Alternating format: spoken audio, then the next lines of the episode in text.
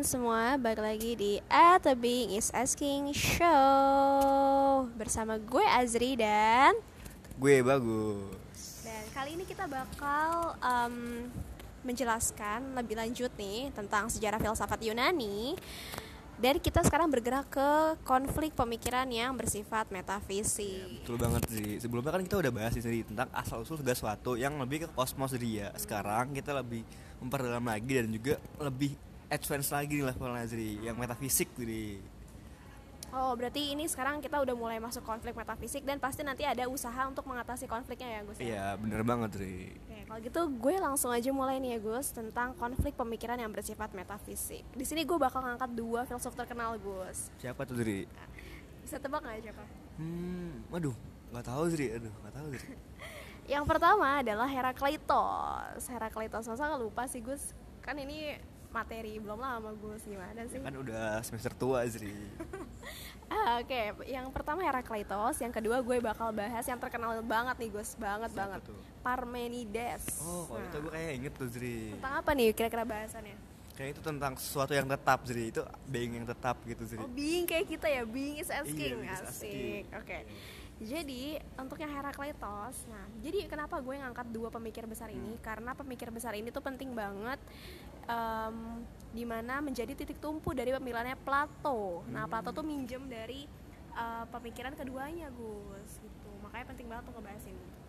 Oke, jadi langsung aja ya, gue bahas tentang Herakleitos. Nah, jadi uh, menurut Herakleitos itu dunia itu terus-menerus berubah dari satu hal ke hal yang lain. Di mana menurut dia perubahan yang terus-menerus ini adalah esensi dari dunia. Jadi maksudnya itu kenapa uh, Herakleitos itu menjadi highlight yang penting bahwa uh, perubahan di dalam dunia itu adalah perubahan yang sebenarnya bukan berubah dalam arti ini ya Gus bisa dari merah ke hijau atau misalnya dari um, berubah secara fisik dari yang kasar jadi halus hmm. terus kayak gimana dong perubahan perubahannya nggak kelihatan. Oh, perubahannya nggak kelihatan jadi dunia itu bisa secara apa namanya uh, bergerak bergerak yang nggak bisa kita lihat tapi itu malah apa namanya uh, mengubah dunia itu gitu Nah, ada yang terkenal dari istilah Herakleitos yaitu kita tidak bisa berjalan dua kali di atas sungai yang sama. Maksud ah, paham nggak maksudnya nih, Gus? Ya, itu sering banget sih teman soalnya kan teman gue anak mapala jadi itu kayak gitu kan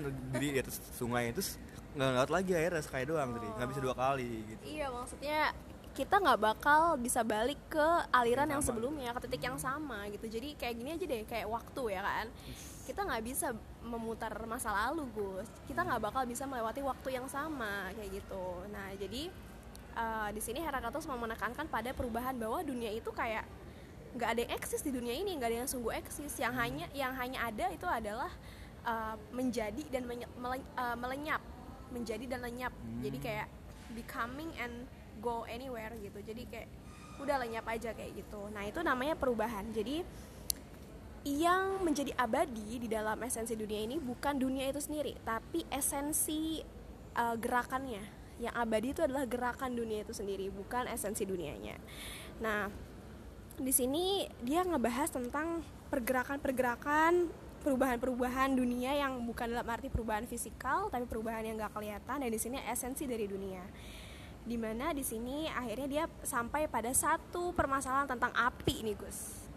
Kenapa tuh api jadi api. Nah ini nanti bakal jadi uh, titik berangkat untuk membahas tentang jiwa Gus. Nah hmm. jadi kenapa dia mau ngomongin api? Ya gini segala sesuatu itu berhubungan sama api Gus. Nah dia tuh ngelihat bahwa segala sesuatu itu sesungguhnya hanyalah transisi dari satu hal ke hal yang lain. Jadi yang namanya awal mula tuh sebenarnya menurut dia nggak ada, tapi yang ada tuh ya udah uh, terus menerus menjadi lenyap menjadi lenyap. Ya itu pergerakan itu gitu. Jadi nggak ada yang paling rantai. Kan kalau bisa kita tadinya bahas soal Thales misalnya asal usulnya kan air gitu kan. Ada yang paling umum ada yang paling utama ada yang paling arke gitu. Hmm. tapi kalau bagi Herakleitos yang abadi ya itu gerakan itu sendiri nggak ada yang paling pertama iya gue pernah denger tuh Zri quotes dari Herakleitos Zri terkenal banget apa tuh? the the only constant is the change itself gitu gitu. Jadi ya hal konstan itu perubahan itu sendiri jadi, konstan sih jadi berubah apa konstan nih Gus? Yeah. kok kontradiksi gini ya? Oke okay, oke. Okay. nah tadi dia bahas soal api. Nah api itu menurut dia adalah dasar perubahan. Jadi kayak api itu bukan api yang fisikal ya Gus di sini hmm. kayak api itu metafora untuk sesuatu yang menggerakkan gitu. Mungkin kalau misalnya kita bisa bayangin api itu kayak yang mengubah energi panas jadi energi listrik semisal kayak Oh, misalnya iya. mesin uap ya kan? Nah jadi perubahan ini dilambangkan dengan api bukan api yang bener-bener real. Oh api ini ngejebat ini enggak. Jadi api ini metafora di dalam pemikiran Herakleitos nah jadi pertama dia tuh ngejelasin bahwa api itu pertama mengubah dirinya menjadi air. Dan akhirnya air itu menjadi tanah melalui kondensasi. Ini kayak daur ulang ini ya Gus ya. Daur ulang apa sih hujan yang eh, awalnya dari tanah eh dari air dalam sungai terus menguap pengembunan oh jadi itu gitu. siklus itu Iya siklus. Benar banget siklus. Nah abis itu abis tanah, abis eh, air jadi tanah, nah balik lagi jadi api. Jadi kayak Hmm. bener-bener siklus perubahan. Nah ini metafora yang digunakan Herakleitos bahwa ini akan menunjukkan ke hubungan tentang apa namanya kehancuran dan pembentukan dunia. Nah terus apa hubungannya sih sebenarnya api sama jiwa? Tadi kan gue udah nyinggung jiwa nih. Iya. Menurut lo gimana nih Gus? mungkin karena kita kan sering banget nih denger kayak lagu-lagu "Ih, darah semangat jiwa gitu tuh berapi-api gitu Oh Sri. iya iya ya. jiwa tuh api karena kita semangat tuh gitu Oh berarti ada hubungannya sama mungkin jiwa itu jangan api gitu ya? iya Oh. kita semangat bangkit gitu Sri. Tapi bener loh Gus. Oh iya, waduh, keren banget ya aku, Zri. Tapi bener Gus, bener. Jadi api itu sendiri bagi Herakleitos itu adalah bagian dari jiwa. Hmm. Di eh, jiwa itu sebagai prinsip kehidupan, yakni api itu sendiri gitu. Jadi api itu dilambangkan kayak jiwa bagi Herakleitos. Ya mungkin bener juga kali ya kita hidup dengan jiwa yang berapi-api, Iya, berapi-api, berkobar, iya. pahlawan ya kan, berkobar-kobar eh, apa semangatnya gitu. Itu karena jangan-jangan ya, jangan-jangan tuh karena kepikiran sama Herakleitos nih Oh, Gus. iya jangan-jangan Roma Irama juga sebenarnya belajar Heraklitos sih. Oh, gi- oh gitu ya oke. Dan em, terus maksudnya di sini em, jiwa itu dia juga apa namanya em, membahas terkait dengan eh, bahwa jiwa itu terkungkung di dalam tubuh yang terbuat dari air dan tanah. Jadi api itu jiwanya air dan tanah itu tubuh nih kalau gue utamakan. Nah si api ini butuh yang namanya eh, nutrisi jadi maksudnya si jiwa ini butuh nutrisi dengan cara apa bernafas oh biar dia menyala gitu Sri ya Nah, itu itu. Jadi Herakleitos ini sebenarnya simpel pemikirannya Hmm. dengan eh, apa namanya membayangkan bahwa di dunia ini perubahan. Hmm. Perubahan dilambangkan dengan api. Nah, dari api ini bi- berbicara tentang jiwa yang terkungkung dalam air dan tanah kayak gitu. Nah, itu pemikiran tentang Herakleitos. Ke- Nah, yang kedua tadi kita berpikir terkait dengan Parmenides yang gak kalah penting. Ini terusan nih, terusan dari Herakleitos.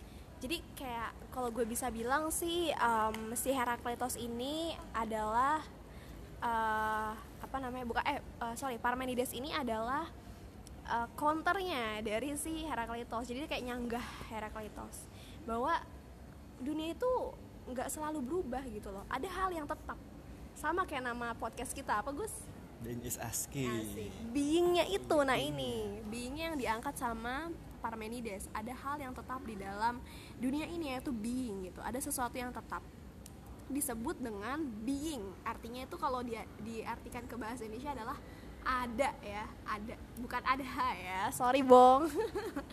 Oke, jadi nah maksudnya itu gimana sih kita bisa berpikir tentang being? Jadi ketika kita berpikir kita tuh pasti terarah pada sesuatu Gus. Lo nggak mungkin kan berpikir nggak nggak terpikirkan apa-apa gitu. Nggak mungkin sih. Pasti ada objeknya ya nggak Iya. nah si Parmenides tuh bilang kalau ketika kita berpikir kita pasti terfokus pada satu hal. Nah pada sesuatu. Dan sesuatu itu mungkin em, apa namanya eh, faktanya nggak ada ya. Secara fakta nggak ada. Kita mungkin bisa mikirin soal kuda terbang ya faktanya nggak ada kan tapi dia ada kan di kepala Iya, kita kita bisa bikin- kuda terbang gitu sih kok bisa sih dia Nah, itu karena karena segala sesuatu dalam pikiran itu exist. Yang mana di Hmm. dalam dalam sini maksudnya adalah em, apa namanya? Ketika kita terarah pada sesuatu, sesuatu tetap ada dalam pikiran kita kendati nggak ada Hmm. faktanya. Dan ini yang disebut dengan being. Dan status being, asik status. Status. Maksud gue being antara being yang kita pikirin eh, misalnya pohon, mobil, terus kursi atau lo mikirin abong misalnya, itu tuh semua setara di dalam pikiran yang disebut sebagai ada. Itu being yang namanya. Jadi kalau menurut Parmenides kita nggak mungkin mikirin hal yang nggak ada gitu. Paham gak maksudnya? Jadi kayak kita nggak mungkin mikirin nothing. Jadi pasti kita berpikir ada gitu being. Nah, Nah, jadi di sini uh, bahwa being itu sama dia tuh tetap nilainya. Jadi kendati lo mikirin dinosaurus yang ukurannya lebih gede dari kucing itu bukan apa namanya bukan sesuatu yang berbeda di dalam konsep being dinosaurus being kucing being walaupun beda bentuk walaupun ukurannya gede tapi keduanya tetap sama di dalam kepala. Itu yang disebut sebagai being dan sifatnya itu adalah tetap gitu. Nah itu tentang being. Nah di sini Parmenides itu pentingnya. Kenapa? Karena dia memunculkan permasalahan yang uh, kemu di kemudian hari disebut sebagai permasalahan metafisik yaitu permasalahan being. Jadi being ini nih kalau kita tegaskan sekali lagi nih Gus, dia nggak akan berubah sampai kapan pun. Jadi sifatnya abadi. Kalau tadi kan Herakleitos itu mikir kalau yang abadi itu adalah perubahan itu sendiri kan. Tapi kalau Parmenides mikir yang abadi itu adalah apa yang kita pikirkan. Being itu sendiri yang sifatnya abadi. Dan ini penting banget. Nah, Parmenides ini juga mengajarkan kita untuk membuat argumentasi yang sifatnya itu metafisik dengan mengacu pada permasalahan yang bersifat empiris kayak gitu. Jadi walaupun kita mikirin kuda terbang, hmm. kita bakal tetap bisa memikir secara metafisik gitu loh. Jadi kita diajarkan untuk apa ya berpikir abstrak berpikir lebih dalam dan itu disebut dengan being yang mana itu nggak pernah berubah sifatnya dan dia bersifat tetap nah itu tentang dua filsuf yang luar biasa menurut gue tentang konflik metafisik. Wah keren banget sih jadi tapi tadi kan lo bilang ya antara Heraklitos sama Parmenides sebenarnya tuh saling berkontradiksi gitu jadi ya. Hmm, bener banget kontradiksi banget. Nah sebenarnya di sini gue akan berusaha nih jadi untuk mengatasi konflik metafisik yang terjadi antara Parmenides sama Heraklitos. Oh, ada ada yang bikin solusi ya sih. Iya kita harus mendamaikan mereka berdua Zri. Iya cara mendamaikan itu kita modifikasi dari pemikirannya Parmenides itu kan tentang being yang ada di dalam kepala jadi ya. Yeah. Sedangkan kalau yang di Heraklitus itu dia menempatkannya itu pada tatanan logika yang keteraturan tentang hal-hal material. Hmm, kayak gue pernah dengar deh nih si filsuf Empedokles ya. Iya betul banget di Empedokles. Nah, kita akan bahas cara atau upaya untuk mengatasi konflik antara kedua filsuf ini nih Zri. Oh, dia kan sering berantem nih. Kita di si Empedokles datang untuk mendamaikan oh, Zri. Iya. Coba gue paparkan gimana cara mendamaikan si Herakleitos dan Parmenides ini. Nah, iya sebenarnya Empedokles ini adalah pengikut dari Herakleitos. Nah, dia beranggapan bahwasanya ada yang namanya origination dan destruction. Wow. Maksudnya itu adalah uh, unsur-unsur itu itu awalnya bisa disatukan sih. Terus juga tapi bisa juga dihancurkan. Nah jadi dia nyatakan bahwa setiap unsur itu bisa dipisahkan dari unsur-unsur aslinya. Nah itu dibuat semacam kombinasi sih oh. misalkan ada unsur air api tanah udara. Oh kayak avatar ya? Iya ini avatar sekali jadi empat elemen jadi makanya dia juga mendamaikan kan udah kayak avatar jadi iya kan ya, bener -bener. udah gitu tadi kan bahas juga kan api. Nah dibahas juga di sini Iya kan ada empat unsur oh, tadi, Zri. Iya, misalkan tadi kayak tanah sama air itu ada kombinasinya. Misalkan untuk misalkan tanaman, ya gitu. Terus juga uh, yang Empedokles ini juga ngomongin tentang keberapa macam-macaman itu, itu tadi, Zri. Dan juga ada perubahan yang dapat dijelaskan melalui special motion atau ruang ruang, ling, ruang lingkup dan sebagainya. Jadi dia juga mengatakan bahwasanya being yang being itu sebenarnya tidak tergantikan gitu. Dan unsur-unsur itu tidak dapat gerak sendiri mainkan digerakkan. So, jadi empat unsur itu ada penyebabnya Zri. Siapa penyebabnya Gus? Kita bisa katakan itu sebagai kekuatan penggerak atau force-nya Zri. Oh gaya dong ya iya force. gaya. Jadi pertama kalinya dalam sejarahnya jadi ada pemikiran yang memisahkan antara force dan matter hmm. jadi ada yang bilang kan oh ini misalkan air bergerak sendiri gitu kan. Ngalir sendiri iya ya, padahal kan? ada ada penggeraknya ada force-nya ada gayanya. Oh, iya, iya, iya. iya jadi di alam semesta ini ada proses-proses yang berjalan secara kelihatan dilandasi oleh sebuah kekuatan yang tak terlihat. Seperti tadi yang dibilang sama Heraklitus kan sebenarnya ada yang bergerak juga namun tidak kelihatan dari ya kan karena metafisik kan Gus. Iya benar banget Iya yang itu juga penekanan salah satu penekanan di filosofi ini Zri. Itu tentang unsur-unsur yang bergerak. Nah, terus juga Empedokles tapi tidak memandang manusia itu berasal dari proses-proses yang tadi Zri. Karena menurut dia untuk manusia itu sendiri berbeda prosesnya dengan mereka Zri. Karena menurut Empedokles fungsi-fungsi fisiologis dalam tubuh manusia itu yang terpenting itu adalah darah Zri sebagai peranan yang paling vitalnya atau ter paling penting Hmm. Wah, dia udah ngomongin biologi ya. Iya, di sini juga dia juga itu sih apa mengkombinasikan yang tadi antara unsur unsur tadi yang meter dan juga main dan juga bisa membeda-bedakan sih yang tadi kan force sama meternya gitu. Nah, kemudian ada lu ada juga nih Sri filsuf lain yang mencoba nih mendamaikan Oh, ada lagi. Iya, doang. Oh, ya. banyak dong. Empat Iya. unsur yang kayak avatar itu. iya Siapa lagi? Gus? yang ini namanya kaum atomis kaum atomis berarti mereka percaya atom Iya gak sih? Hmm, mungkin sederhananya begitu, tapi gue jelasin dulu ya. Kan namanya kaum atomis, berarti kaum dong, berarti bukan satu dua orang dong, berarti Oh, banyak berarti dong. banyak. Iya. Oke, iya. Tapi yang terkenal itu ada dua jadi namanya Leukipos dan juga Demokritos.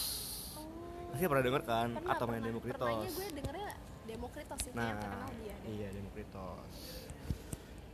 Nah, dasarnya itu adalah pemikiran dari Empedokles tadi. Hmm. Jadi masih nyambung nih sama Empedokles tadi kan ada empat, empat elemen nih jadi kayak avatar nih empat elemen.